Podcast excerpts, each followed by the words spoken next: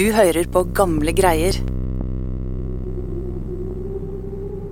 Some of the stories of these determined men and women are so fantastic that we in our peaceful homes can hardly believe them. I'm so tired, Dad. Lie down there in the snow and never wake up again? But I, I can't walk one step more. Under andre verdenskrig så slåss de allierte og nazistene ikke bare med bomber og granater. To norske kulturelle hærførere kjempa på hver sin side med særs dramatiske hørespill som ammunisjon.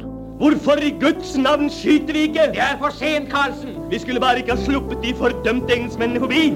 Vi kunne ha sendt torpedoen rett inn i skroget deres. No Nazi shall ever touch my child. Be careful, going to pay for this, you Norwegian dog. I'll shoot you down myself right now. Hør! Nå skyter de igjen. Myrder forsvarsløse sivile sjøfolk. Story you just heard actually happened this year in Men April. sannheten bak en av de her røverhistoriene som ble presentert i studio med kruttlapppistoler og knirkende dører, er langt heftigere enn fiksjon. Proving the indomitable spirit of the Norwegian people that they will never be crushed.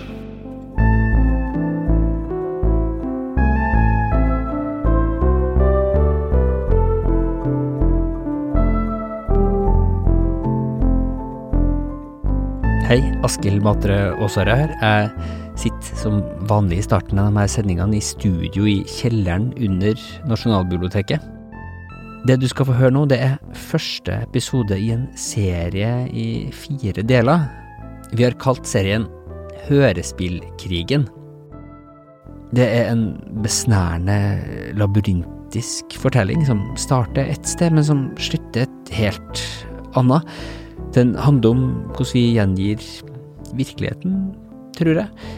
Men mer konkret så er det i midten av denne fortellinga ei forlatt jente i en bæremeis. Men hun er det ei god stund til vi kommer til. For før den tid så må du slå på gongongen og forsegle studiodørene. Dette er første episode, Norwegian Escape.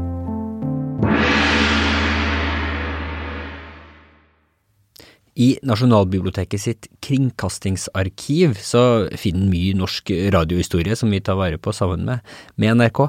Gamle nyhetssendinger og reportasjer finner du der. Om du var i live på 1990-tallet, så husker du kanskje kulturprogrammet med det aldeles herlige navnet Wok. Litt eh, snacks og eh, større slacks.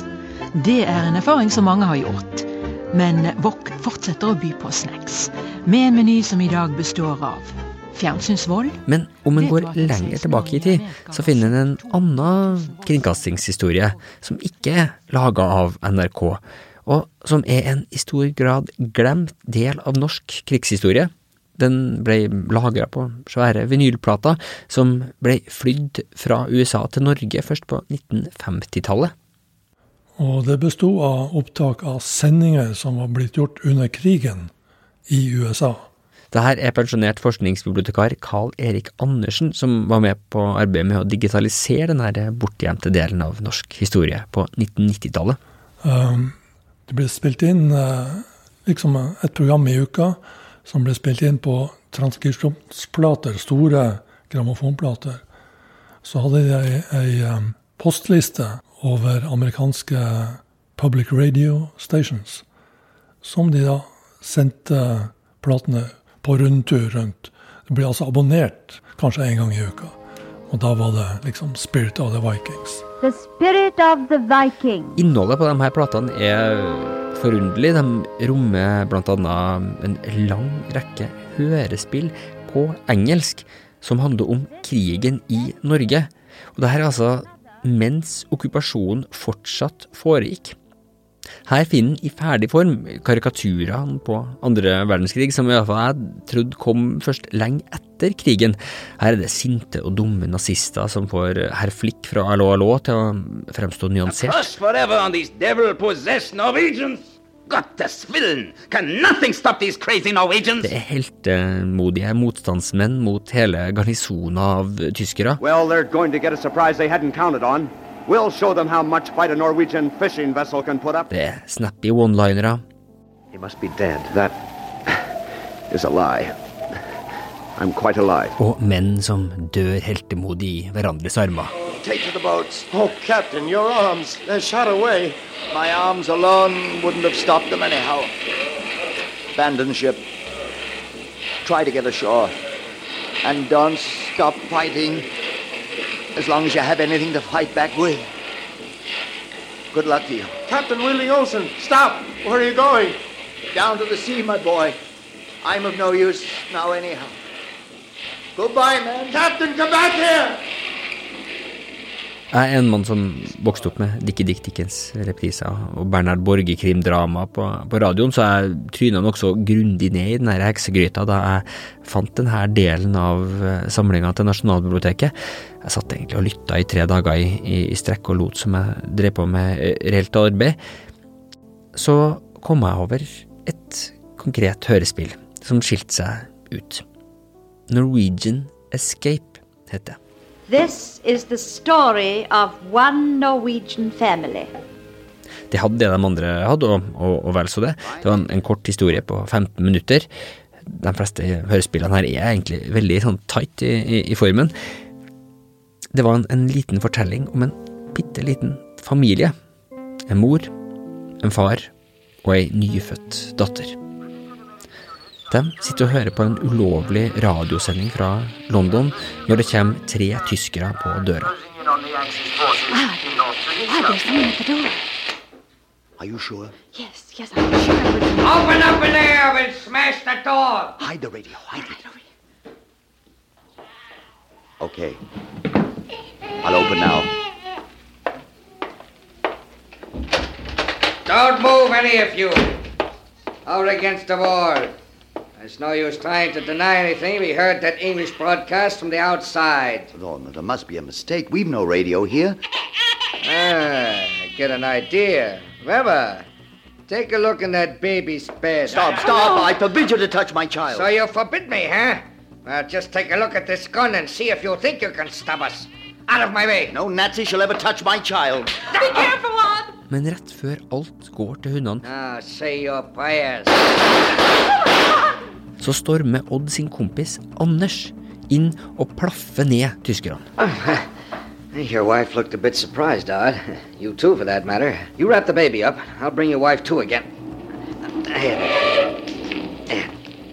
There. Did, did you hear that, Anders? Huh? They're coming. What happened? Quick, quick, get out of here, down the back stairs.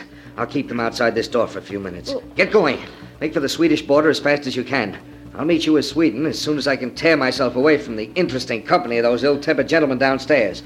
Good luck to you. Det unge ekteparet med barnet stormer ut i snøføyken på desperat flukt mot Sverige.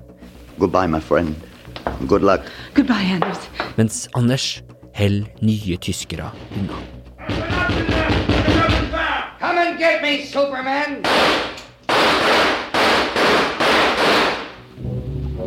Og det er bare starten på ei vanvittig fortelling som så handler om overlevelsen ute i villmarka og veien frem til Sverige som virker totalt uoverkommelig. I had no compass, but there seemed to be only one way to go.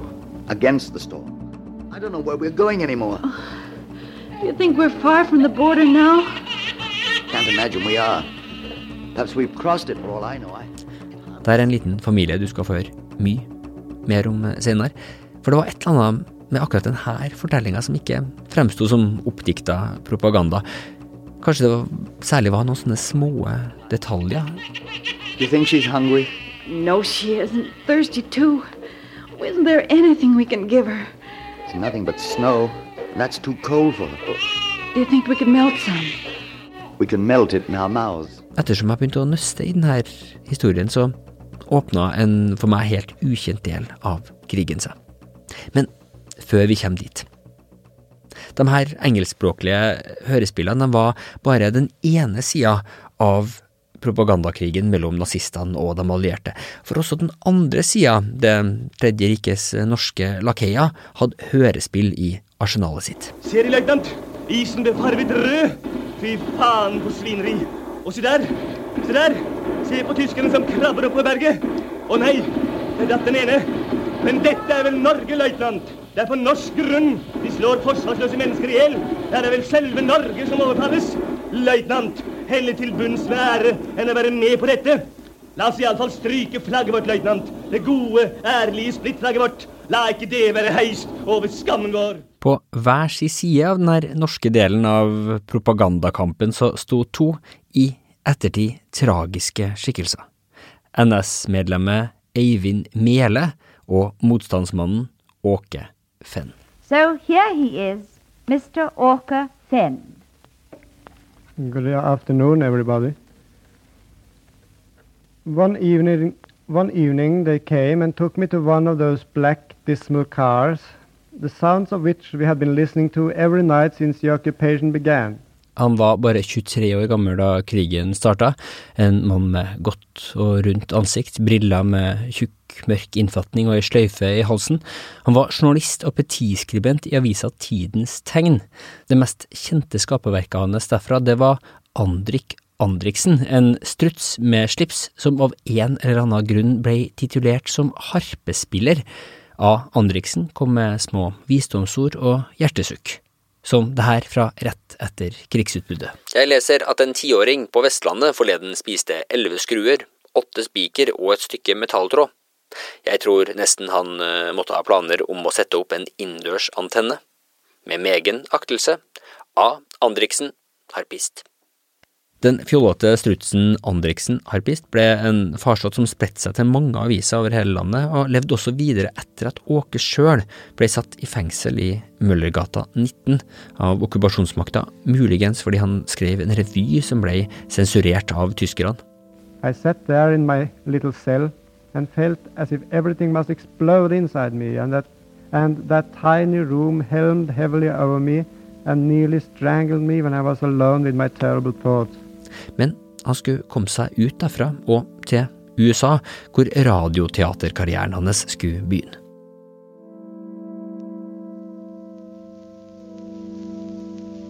Vår norske kringkasting akter ikke å bruke det ord for råd som jødenes agenter ved de britiske mikrofoner har gjort til daglig tale.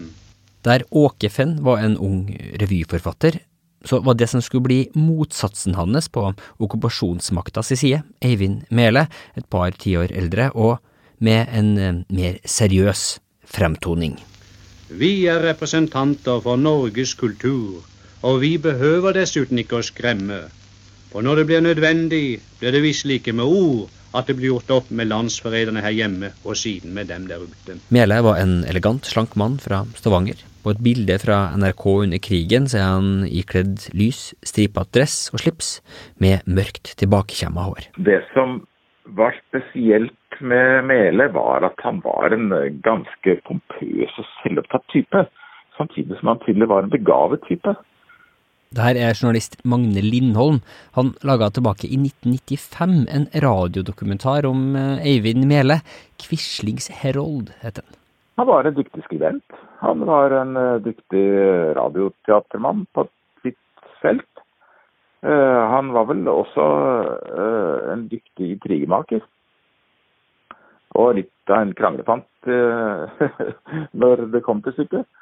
og det, det viser seg jo hans livsverk, da. Mele var alt en veteran i kringkastinga, han hadde vært med fra før NRK ble grunnlagt. Ifølge han sjøl så var han den første som brukte intervjuformen i norsk radio. Han hadde meldt seg inn i NS alt i 1933, og var ei stund pressetalsmann for organisasjonen. Etter maktovertakelsen så klarte han å karre seg til ei stilling som sjef for talesendingene i den okkuperte kringkastinga, altså alt som ikke var musikk. NRK var da et fullstendig rotterei, fullt av intriger av forskjellige karrierister som kom fra dette lille NS-miljøet. Nå bruser ekstratoget inn. Han laga en del interessante, eller kanskje kuriøse ting, kanskje man vil kalle det i dag. For eksempel den her rekonstruerte reportasjen om da Goebbels kom til Oslo, skapt i sin helhet i ettertid med lydeffekter i studio.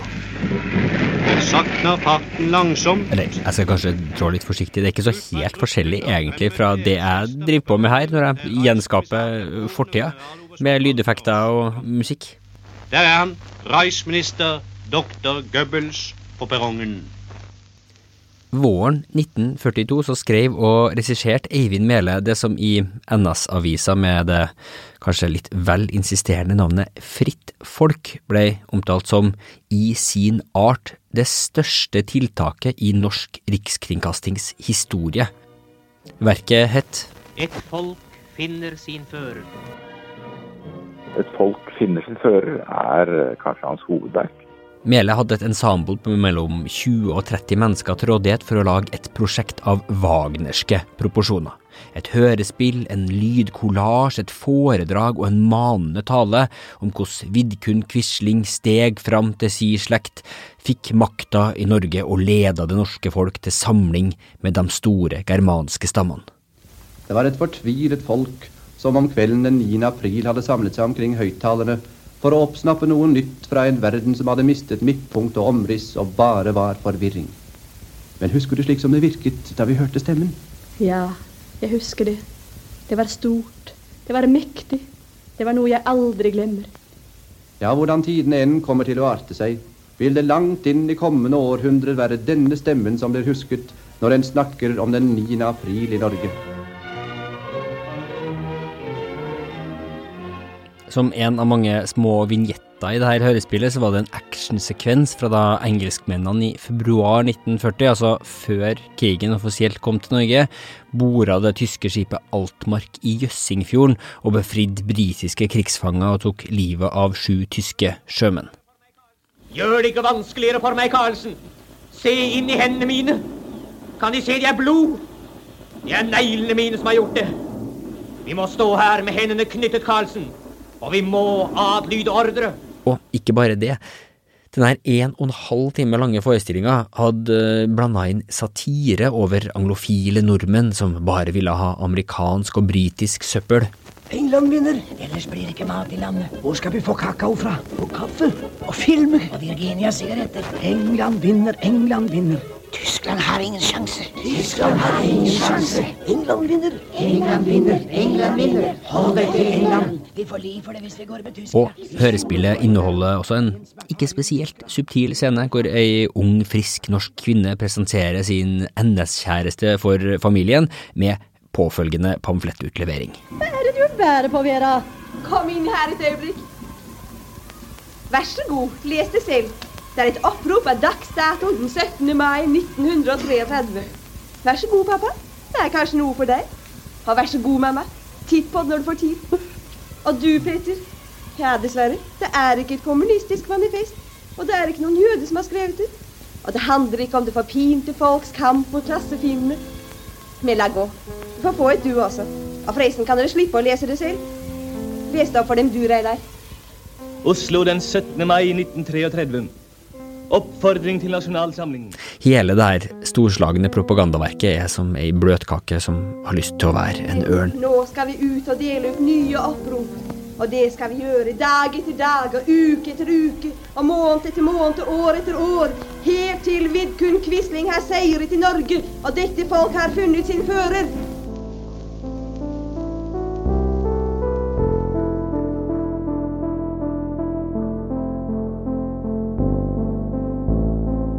Omtrent samtidig med at Mele lager sitt storverk, forsøk på en slags radioteater-atombombe oppe på Marienlyst, så sitter Åke-Fenn på Grini. One day they came and said I was going to be released.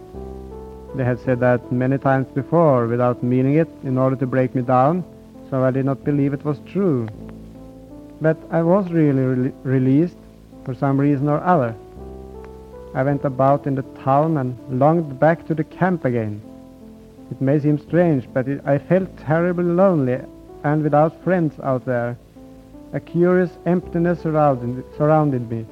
It was as if I had come to a foreign country. All my friends were in prison, and I had no right to be free. I thought it all over, and there was nothing else for me to do. I had to go away.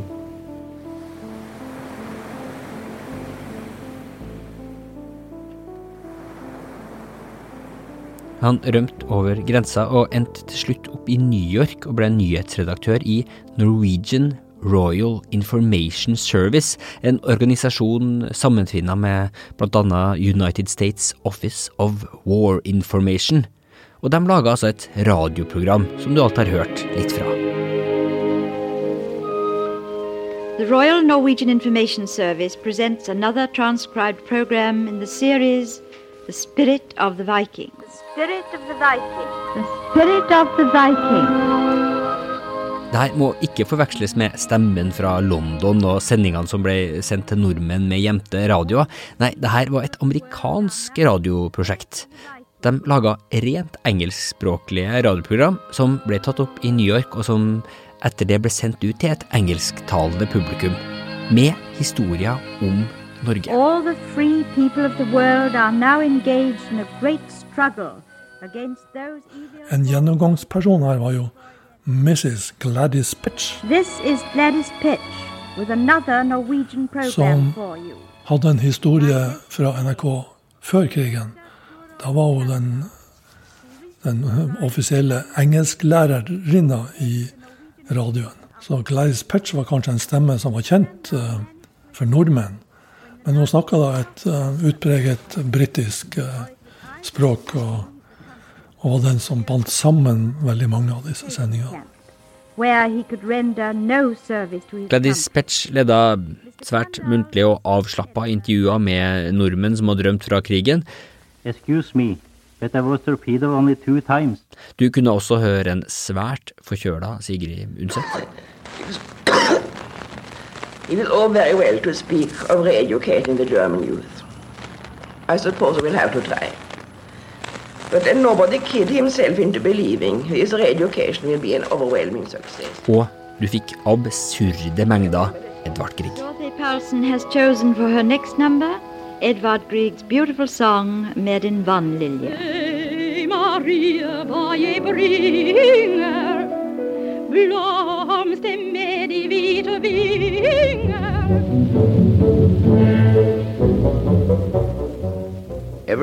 So suddenly that I, I Men aller, aller mest fascinerende, iallfall om du spør meg, er altså hørespillene. Før krigen så hadde Åkefen vært en vordende dramatiker. Her i den lille redaksjonen til Gladys Petch så fikk han slå ut vingene. Pressed his hands against his stomach and fell forward too. The third Nazi tried to pull his gun, but never. I motsetning til Eivind Mele på Marienlyst, så hadde ikke Åke Fenn noen intensjon om å være høykultur, kan det virke som. Han laga kjappe, små, actiondrevet hørespill hvor kruttlappene og kinaputtene smalt, og en kom tydelig frem til poenget med en gang. Nordmenn var heltemodige, og tyskerne var dum og sint. Hør bare på denne intense lille sekvensen hvor en fange forsøker å rømme fra Møllergata 19. At one I walk into the corridor. It's empty. For a moment, I stand waiting. No sound except the beating of my heart. I look into the courtyard. The open window, the other end, two Gestapo men are sitting with their backs toward me. Below, the guard is just making a turn. I wait several seconds, then open the window. I could hear the voices of the Gestapo men now. Yeah, that's a good one, Fitz. Uh, These Norwegians certainly are stupid. Now, now the guard's turning the corner. In a moment, he'll be on the other side of the building. yeah, one o'clock. Yeah, yeah. Time has come. They only continue talking for another minute. Just one more minute. I climb through the window, and my boots hit hard on the cement. I look up at the window. They didn't hear me. Akkurat hvor han har fått historiene fra, det er ikke så godt å si. Noen av dem virker å komme fra personer som har flykta fra Norge, eller nyhetsmeldinger man har fått derfra, og mye virker å være nokså fritt basert på virkeligheten. Det kan virke som om Åke har latt fantasien løpe løpsk med seg som en struts i fritt sprang.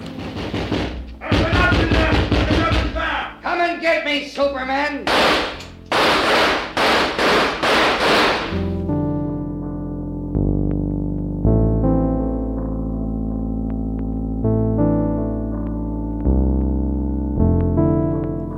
Gjennom de her to skikkelsene, Åke Fenn og Eivind Mele, så forsøkte begge sidene av krigen å påvirke fortellinga om Norge gjennom radiohørespill. Et folk finner sin fører ble sendt fra Marienlyst 23.3.1942. Før sendinga så hadde Quisling sjøl fått overvære en egen oppføring av det. Men bortsett fra de tilhørerne på Marienlyst, så var det ikke så mange som kunne høre Meles episke, kunstnerisk ambisiøse verk om Norges fascistiske sjel. For seks måneder før premieren så hadde okkupasjonsmakta sjøl konfiskert over en halv million norske radioapparater. Bare allerede trolova NS-medlemmer hadde radio. Vi fulgte Vidkun Quisling. Han kalte på oss. Vi kom. Vi sto ved demokratiets valglokaler. Det var ikke så mange som tok stemmesedlene vi rakte dem. Men de som tok dem, så Åke Fenn sine fantastiske og tabloide fantasier om krigen i Norge derimot ser ut til å ha nådd langt flere. I VG rett etter krigen så ble det påstått at Spirit of the Viking-sendingene ble sendt på så mange som 350 amerikanske stasjoner i uka. Vanskelig å, å verifisere det, men det virker som det har vært interesse for å sende de her programmene. Kanskje fordi radiokanalene som tok imot dem da sjøl slapp å lage samfunnsreportasjer de var pålagt å sende, som få annonsører var villige til å betale for. Men det var også en spesiell interesse for norske historier i USA, også utenfor de nordiske enklavene i New York og Minnesota.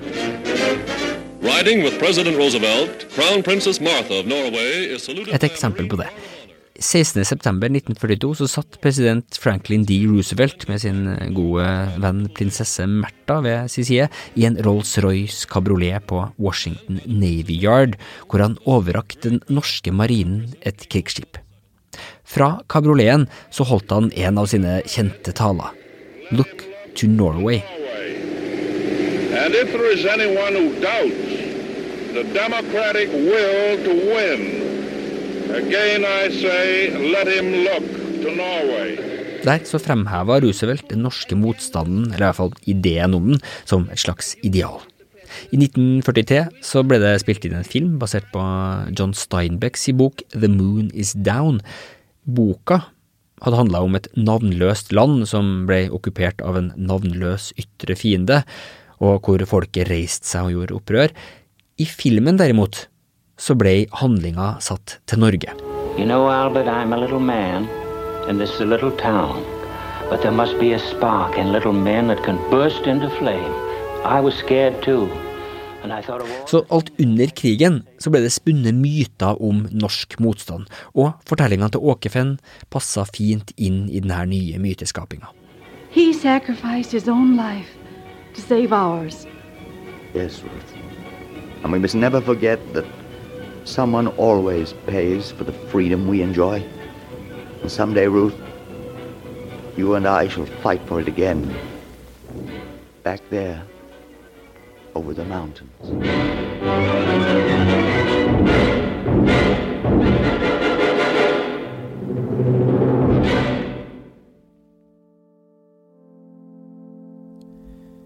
Meles propagandastorverk fikk altså ikke like stor utbredelse, men det, det stoppa han ikke. Han laga flere andre radioinnslag med hørespillelementer, og han ga ut Et folk finner sin fører som bok. Men Eivind Mele virka å ha vært en frustrert mann, både i kamp med seg sjøl og andre. Han havna i krangel med sentrale folk i NS, og slutta etter hvert i NRK. Vi står foran et lite vaktskifte i kringkastingen. Vel er det viktigere ting som hender, og endringer som finner sted som har større krav på oppmerksomhet. Men siden vaktskiftet denne gangen gjelder meg selv, har jeg gitt efter for et naturlig ønske om å kaste I denne avskjedstalen, når krigen virkelig ikke ser ut til å gå den veien han skulle ønske, så slår han en litt mer eh, forsonende tone og snakker om hvordan radioen kan bringe oss alle sammen. Det er først og fremst gjennom eteren at hat er blitt sådd. Det er mulig at forsoning kan skapes gjennom eteren.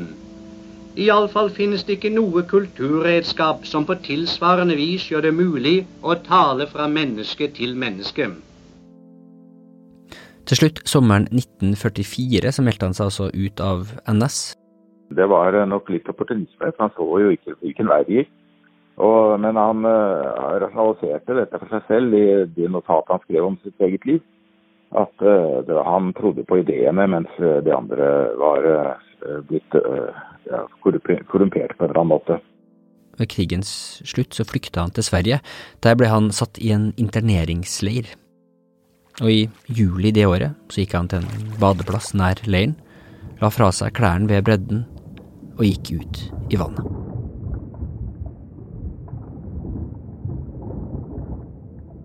Åke Fenn, motparten hans i denne historien, får heller ikke et langt liv, men han skal få lov til å bli med oss litt videre i den fortellinga her. For hele denne historien så langt om propagandakrigen som skjedde gjennom hørespill, den fikk meg til å tenke. Meles fortellinga om Norge og scenene han presenterer i Et folk finner sin fører, kanskje bortsett fra scenen fra Jøssingfjorden, gir seg ikke ut for å være noe annet enn diktning og synsing. Åke Fenn sine radioteaterstykker derimot utgir seg alle sammen for å være sannhet, en slags semijournalistisk lydgjenskaping av faktiske, dramatiske hendelser fra det virkelige Norge. Ekte drama som hadde foregått bare måneder før de ble forvandla til teater i studio i New York. Satt Åke Fenn der bare og dikta, som han hadde gjort som revyforfatter eller som A. Andriksen harpist, basert på noen rykter og nyhetsmeldinger? My name is Odd Holt. I used to be an electrotechnician in Mo, a little town in North Norway. Eller er det noe sant bak de karikerte skikkelsene og den oppstylta dialogen og de infamt onde nazistene? Take a look in that baby's bed. Stop, stop! I forbid you to touch my child. So you forbid me, huh? Well, just take a look at this gun and see if you think you can Som. Norwegian Escape, historien om den lille familien og skuddvekslinga med tyske soldater og flukta ut i isødet. Get going. Make for the Swedish border as fast as you can. Isn't there anything we can give her? It's nothing but snow. That's too cold for the boat.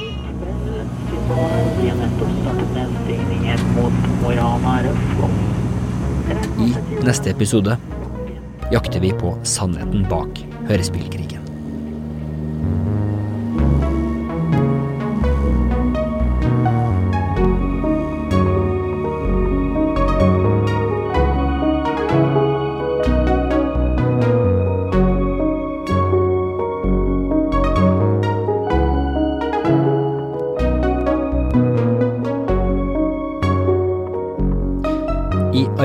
Denne episoden har jeg altså virkelig stupt ned i kringkastingsarkivet til Nasjonalbiblioteket.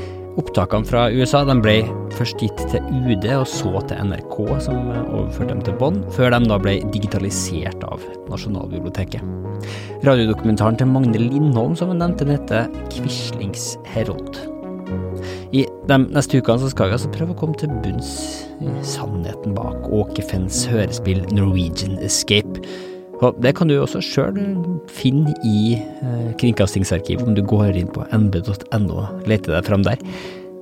I tillegg så håper jeg å finne ut mer om Åke Fenn sjøl.